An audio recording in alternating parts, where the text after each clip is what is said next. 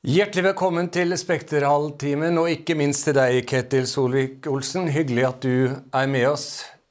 Blant Tusen takk for det. Du, ja, takk. Blant annet så har du vært eh, samferdselsminister fra 2013 til 2018. og Vi, vi får begynne å snakke litt om samferdselspolitikken. Hva, hvis det serverer til deg på sølvfat, hva var det viktigste du fikk til som eh, samferdselsminister? Jeg tror det aller viktigste vi gjorde, det var å eh, jobbe med kultur og ledelse i, eh, i transportsektoren. Mm. Det handler jo selvsagt om å bygge bedre transportløsninger for bedre mobilitet i samfunnet. Det er viktig for å utvikle både byene og, og hele landet. Konkurransesituasjon for, for næringsliv og lignende. Det var òg viktig for å utvikle entreprenørnæringene i Norge, skape flere arbeidsplasser, videreutvikle dem. Men mye av det som hadde irritert meg som opposisjonspolitiker, det var jo den situasjonen der kostnadene gikk hele veien opp. En bygde stykkevis og delt. Ting virka veldig rigid. Det var vanskelig å få endringer på ting. Ja, regelverket var, var, var, satt og litt gammeldags. Det å røske opp i det tror jeg faktisk er som vil sitte lengst. Opprettelsen av nye veier, mm. eh, mer frihet til Statens vegvesen, reformen i jernbanesektoren friheten som, som Avinor hadde, eh, reformene som også Kystverket fikk en del av. Mye av det tror jeg, det handler jo om måten en tenker på, måten en leder på. Mm. Det vil gi de største effektene, i hvert fall på sikt, men sånn som Nye Veier har jo gitt store effekter òg på kort sikt. Sier du nå, eh, Ketty Solvik-Olsen, at da du kom inn, så var det en ukultur i samferdselssektoren? Nei, jeg vil ikke kalle det ukultur, for da høres det jo ut som at folk egentlig ikke bryr seg, eller at det er måte, dårlig motiv ute og går. Men ting blir veldig satt. altså I, i min verden, hvis hvis du, får veldig store organisasjoner som får styre seg sjøl, eh, så blir det ofte veldig satte strukturer, veldig vanskelig å endre ting. Og Hvis du da ikke har en politisk ledelse som, som, drar endringene i gang, så vil organisasjoner sjelden endre seg sjøl. Fordi at de vil ofte bare peke på de politiske rammebetingelsene de får. Mens på politisk side så vil en ofte bare vektlegge at jo, men dette er de faglige rådene vi har fått tilbake fra de organisasjonene. Og Det å prøve å være en katalysator og vise at det er mulighet for større dynamikk, det å lære av bedrifter og organisasjoner som går godt, det så jeg på som viktig. sånn at mm. Mye av reformarbeidet f.eks. innenfor uh, veisektoren, det var jo egentlig inspirert av, av Avinor, som jo òg er en statlig selskap, men som har i hvert fall fra, fra, mitt perspektiv når jeg satt på utsiden, en helt annen dynamikk i måten de håndterte ansvaret de hadde fått, viljen til endringer og lignende. Og Vi må slutte å tenke at privat sektor alltid bra, offentlig sektor alltid mm. dårlig. Det er motsatt. Vi må se på at ledelseskulturer i ulike deler av samfunnet vårt varierer, uavhengig om det er statlig eller offentlig. Mm. Men at vi som politikere bidrar til at offentlig sektor hele veien lærer av de beste. Og av og til så finner du òg de beste innenfor den statlige sektoren. Dette vil jeg gjerne følge opp, men, men først, eh, Spekter er jo som du veldig godt vet en eh, arbeidsgiverforening. og jeg, jeg hører at du legger betydelig vekt på betydningen av ledelse.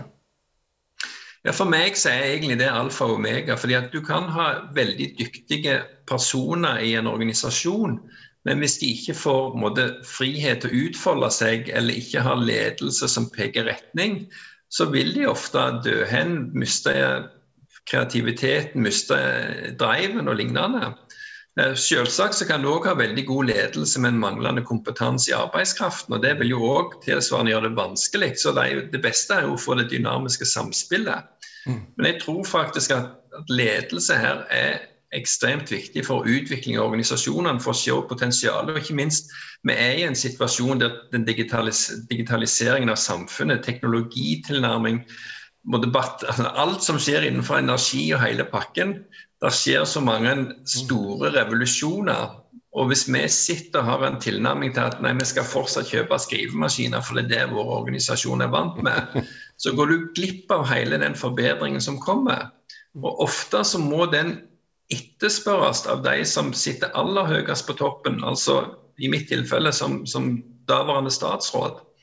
Eh, og Der opplever jeg vel at det er for mange motkrefter som ikke vil ha de endringene fordi at du alltid er redd for at du òg skal miste opparbeida rettigheter. Mm. mens veldig mange, når du har vært igjennom en endring, vil nesten sjelden gå tilbake til sånn som det var, men frykten for hva du kan få med den usikkerheten, den hindrer deg ofte fra å ta de nødvendige skrittene. og Da er god ledelse en, en vesentlig forutsetning for at en organisasjon begynner den bevegelsen. Mm. Du var så vidt innom det.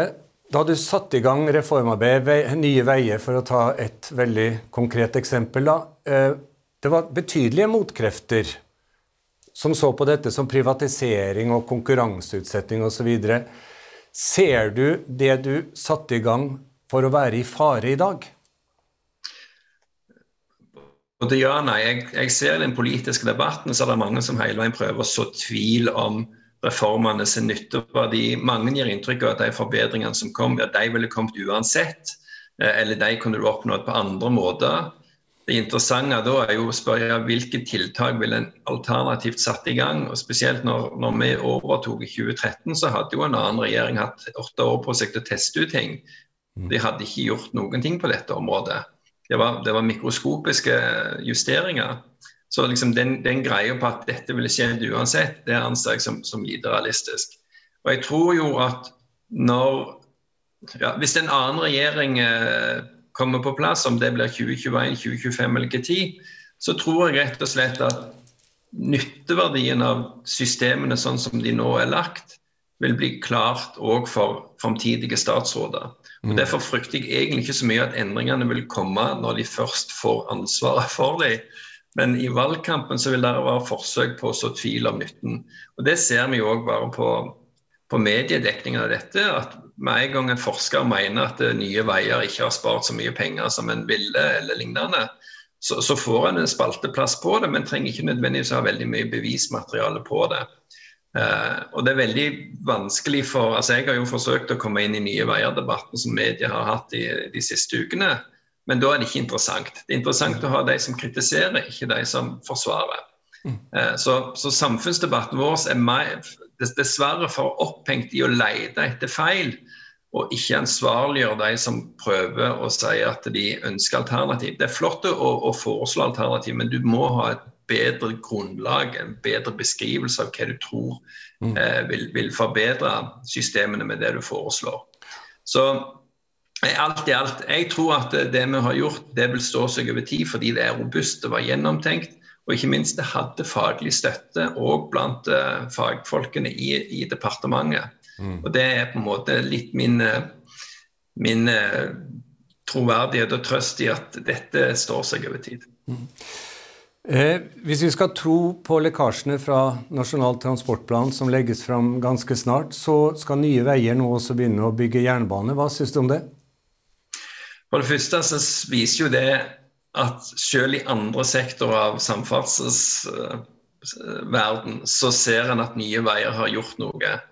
Og selv om du har forskere som prøver å så tvil om det, så merker jeg at entreprenører, folk i, i veisektoren selv ønsker mer av det Nye Veier har fått lov til. Selvsagt det at Nye Veier plutselig får ansvar for et jernbaneprosjekt, betyr ikke at de besitter jernbanekompetanse. Men igjen, jeg tror det handler om ledelsesfilosofien her. Det at Nye Veier får ansvar for hvordan jobber du med prosjektet, så må du fortsatt bruke fagkompetansen som sitter i Bane NOR og lignende til å gjøre den faktiske jobben. Men det å røske litt opp og få fram at det er lov å tenke annerledes, det er lov å utfordre gitte premisser hvis det gjør at prosjektet blir bedre der tror jeg at Nye Veier har noe å bidra med. Men Nye Veier vet jo utmerka godt at de kan ikke bare bygge vei på samme måte som jernbane. Det er to ulike transportformer, det bygges på ulik måte. Men igjen, ledelsesfilosofien her, det tror jeg er det som er hovedgreia. Jeg opplevde jo selv at suksessen med Nye Veier er jo òg muligheten til å få lov til å starte litt på scratch. Det å kunne lage ditt eget team som ikke skal dra med deg gjerne 100 års historie men der du får lov til å utvikle noe med friskt blod, med sammensette folk på ny. Uh, og Det tror jeg gjerne er litt nedsiden i jernbanereformen vi gjennomførte. at Der var det fortsatt veldig mye de samme strukturene som skulle lede videre. Uh, litt grann endring ble der. Hvis du ser på billettsystemet som NSB holdt på med, det har jo vært en kjempesuksess. En tur, men de fikk jo oppretta seg som et nytt selskap. De på en måte fikk, fikk begynne litt på nytt, selv om det var mye de samme folkene. Mens jeg tror at gjerne Bane Nor selv påpeker at de fikk ikke den samme friheten til å kna ting fra scratch som det Nye Veier fikk, og det lider de litt under nå, har jo selv bedt om å få den samme friheten som Nye Veier har. Mm. Så igjen, Det er veldig kjekt å se hvordan, fagmiljøene faktisk ønsker denne friheten. og Der tror jeg faktisk at både mentaliteten i Finansdepartementet og disse som skal ha full kontroll på hver krone, at de faktisk gjør det vanskeligere å forbedre og effektivisere offentlig sektor enn om du hadde gitt mer myndighet til de som er ute i de ulike linjene og faktisk håndterer ting, og gjerne kunne beholdt gevinsten av forbedringene som de gjør. Mm. Er du mer fornøyd med reformenes resultat når det gjelder vei, enn når det gjelder bane? reformenes resultat på vei er mye raskere synlige. Men det tror jeg òg handler nettopp om at de fikk større handlingsrom til å, å innenfor gitte politiske rammer få ta beslutninger på faglig miljø og beholde gevinstene av de beslutningene for å kunne igangsette nye prosjekt raskere. Jeg tror at gevinstene på jernbane òg vil bli synlige mye raskere. Vi ser jo at Bane NOR Eh, og Jernbanedirektoratet selv ser hvor er det det funker godt, og hvor er det der må jobbes med det. og Da er det en endringsprosess i gang. Så håper jeg at Nasjonal transportplan vil gi Bane NOR eh, det samme handlingsrommet som Nye Veier har fått. Og Det må òg gjelde Statens vegvesen, sånn at du lar de få frihet under ansvar. Tydelige retningsvalg, tydelige bestillinger på hva det vi forventer i løpet av en lang periode, og en klar eh, finansieringsopplegg for det. Men innenfor de rammene La de få lov til å være de dyktige fagfolkene de er, som ikke må gå til et departement og be om godkjennelse og tommel opp hver gang de ønsker å endre noe. Men der er det jo ikke bare departement og, og, og det finansdepartement som er problemet. Vi så jo at når Bane NOR tidlig i reformen var ute og sa vi ønsker å gjerne foreslå noen endringer i hvordan en gjennomfører vedtatte prosjekt, så fikk de jo smekk på lanken fra stort sett alt som var av politiske miljø og aviser og sånne ting. At sånn skulle ikke Bane NOR holde på med. De skulle bygge det de hadde fått beskjed om, ferdig med det. Så selv mm. når Bane NOR kom tilbake og sa at jo, men vet du hva, det er andre grunnforhold enn det vi trodde, så ble de nærmest tvungne til bare å fortsette på galeien. Mm. Så igjen, jeg tror Bane NOR kunne fått mye større, raskere resultat om de hadde større frihetsgrad under det ansvaret de har. Før vi, vi, må også snakke litt med deg som, eh, å si som politiker, partipolitiker. Men et siste spørsmål når det gjelder samferdsel. Fly, fly, luftfarten er i knestående. Kommer vi til å fly sånn som vi en gang gjorde? Du, Akkurat nå så er det jo mange som tror at alt skal endre seg dramatisk. Men jeg tror verden har vært gjennom mange opprivende kriser. Både store og små, både naturskapte og menneskeskapte og lignende. Når du ser hvor fort verden ble gjenoppbygd etter andre verdenskrig, så er det ikke tvil i mitt hode om at vi kommer til å reise oss igjen som nasjon og som verden òg etter koronaen. Vi lærer av det, vi forbedrer oss, men det er så mye nyskapende krefter i denne verden at vi kommer til å få en enda bedre verden i morgen enn det vi hadde i går, selv om vi akkurat i dag føler at vi er litt i knestående. Og I det så tror jeg òg at interessen i å reise oppleve andre kulturer, det kommer til å endre seg. Jeg tror nok at reiseatferden vil justere seg, ja. Fordi vi vil ikke reise på like mange dagskonferanser når vi bare kan koble oss opp til Teams. Men mm. gleden av å reise og være i et fagmiljø over tid på å liksom, litt sånn brainstorming, det å reise og se andre land, andre kulturer, det å faktisk knytte relasjoner til folk og ikke bare se folk på skjerm, det er vel vedvarende. Så selv om vi gjerne kommer til å reise litt mindre per person, så kommer det til å være stadig flere som er i en økonomisk situasjon der du har råd til å reise. Sånn at på sikt så tror jeg at ja, det vil være flere som flyr om ti år enn det var i går. Men jeg tror òg at flyene kommer til å være stadig mer miljøvennlige, mindre støyforurensende og lignende. Så mye av de miljøutfordringene som han har brukt som argument mot luftfarten, de tror jeg samtidig kommer til å, å forsvinne. Mm. Ja, du er foreslått som uh, igjen å bli nestleder i Fremskrittspartiet. Uh, er det riktig å si at dere ser bort fra den kommende valgkampen og konsentrerer dere nå om 2025? Nei, vi skal jo gjøre et godt valg i 2021 òg. Eh, så det blir 2023 en viktig milepæl òg, for da handler det om å gjenoppta mer makt i lokal- og fylkespolitikken. Mm. Altså, målsetningen min er jo at vi skal ha mest mulig innflytelse. Eh, når en ser på gallupene nå, så er det nok mange som tenker at det, å få borgerlig side å vinne tre valg på rad, det er jo nesten statistisk umulig. Og Derfor er det mange som mentalt sier at ja, derfor er det comeback i 2025 som er det viktigste. Samtidig, når en ser på meningsmålingene bare de siste få ukene, så ser en at det skjer enorme svingninger, både positivt og negativt, fra måling til måling.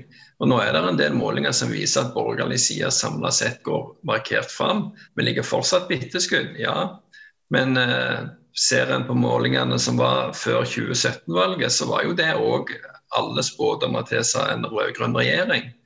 Og jeg tror jo at Når folk faktisk setter seg ned og begynner å reflektere litt hva er det borgerlig side har fått til, og hva er det vi kan gjøre, hva er det rød-grønn side fikk til, og hva er det de klarer å samle seg om, ikke samle seg om, så vil en se at borgerlig side fortsatt er en mye mer stabilt uh, konstellasjon, selv om vi krangler litt på vår side, for all del.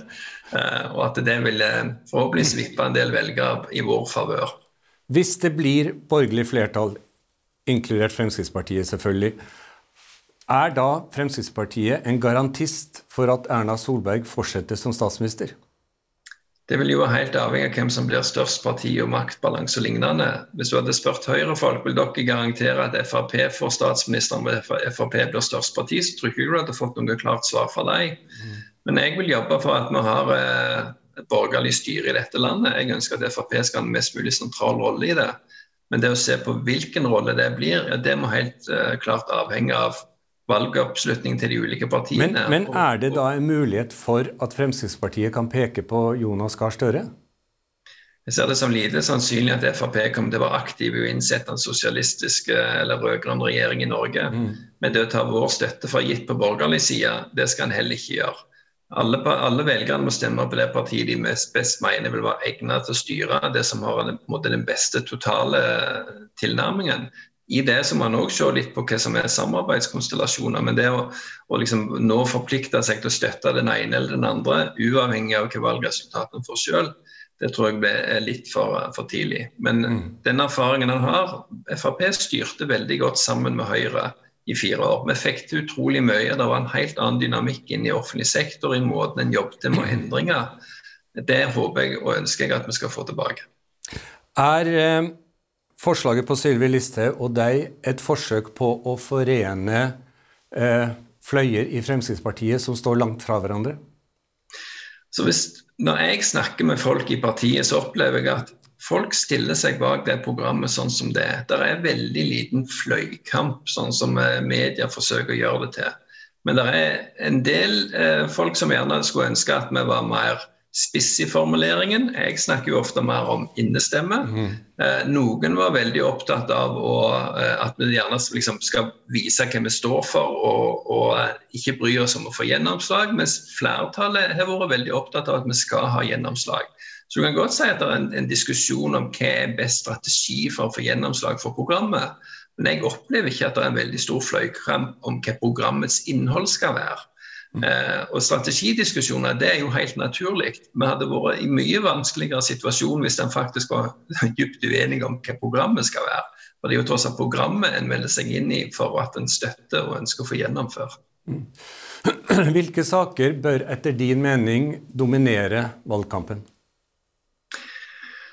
I den situasjonen vi er nå, så handler det om å sikre verdiskaping. Velferd kan du ikke bare vedta, det må skapes gjennom at du har arbeidsplasser, lønnsomme arbeidsplasser. Det at du får et næringsliv som kan utvikle seg i takt med den digitale revolusjonen, sånn at vi er herre i eget hus, at vi har arbeidsplasser, at vi har eh, selskap, konsern som utvikler seg fra Norge. Og ikke at vi bare blir til slutt en kunde av andre lands digitale løsninger vi er i en enorm utfordring for økonomien når det digitale stadig er en mer og mer grunnleggende del av hverdagen. Fordi at Det betyr at produksjon vil ikke være spredt rundt omkring i verden. Du kan altså Lager du en digital løsning som funker, så kan du spre den til hele verden mm. uansett hvor du har hovedkontoret ditt. Det å sørge for at arbeidskraften klarer å oppdatere seg, at, det, at, folk føler at de har en rolle i samfunnet, at de kan leve av egen inntekt. At de klarer å følge med i de endringene som skjer i næringslivet. Det er òg ekstremt viktig. Og det siste punktet der Dette blir litt høyflytende, jeg hører det. Men det er òg å sikre at det oppleves til å være en rettferdighet i, eh, i, økonomien. Fordi at Det er så ekstremt lett for noen få å bli veldig rike når du selger digitale tjenester. Fordi det er ingen relevans da, til produksjonsfasiliteter og, og, og, lønnsinntekter for de som jobber. Så det å finne den balansen der det skal være lov å satse, lov å bli rik, samtidig som du ikke skal få så stort strekk i laget at veldig mange føler at de ikke lenger har en framtid, i det systemet. Det er en viktig del av den jobben. Det betyr ikke stadig økte skatter, men det betyr å sørge for at næringslivet etablerer seg, at folk er i kompetanse, og at de kan leve av den inntekten de får. Så dette, dette var en klar advarsel mot økte forskjeller? Det er en advarsel mot økte forskjeller, men ikke på de rød-grønnes premisser, der eh, det skal være økte skatter og avgifter og en, eh, en, en kamp mot uh, privat næringsliv. Og så er jo selvsagt de tradisjonelle eh, valgkampsakene det er jo bygge landet med bedre infrastruktur. Støtte opp om de eldre som har bygd landet med at de har gode pensjoner og godt eldreomsorg når den tid kommer. Gode skoler for barn som skal lære framtidens uh, verden å kjenne. Og rett og slett å ha gode velferdstjenester og gode, gode, offentlige tjenester så folk føler en sosial og en, en fysisk trygghet med å bo i landet. Mm. Så det blir spennende å se hvilke saker som til slutt eh, måtte bryte lydmuren og, og dominerer dagsordenen. Ja. Men jeg håper det blir mer enn en valgkamp der vi bare skal diskutere både småting og, og symptomer på problemene. At vi faktisk kan ha en god samtale om hvordan løser vi de store og nye utfordringene som vi har. Verden er på vei til å bli et bedre sted stadig vekk. Jeg er ikke pessimistisk. Men Norges rolle i dette skal vi ikke ta for gitt. Det at vi er et oljerikt land som har levd på naturressurser, det bør vi gjøre videre. Men det er langt ifra nok til å sikre den velferden vi trenger i framtida. Ketil Solvik-Olsen, tusen takk for en interessant Spekter-halvtime. I like måte.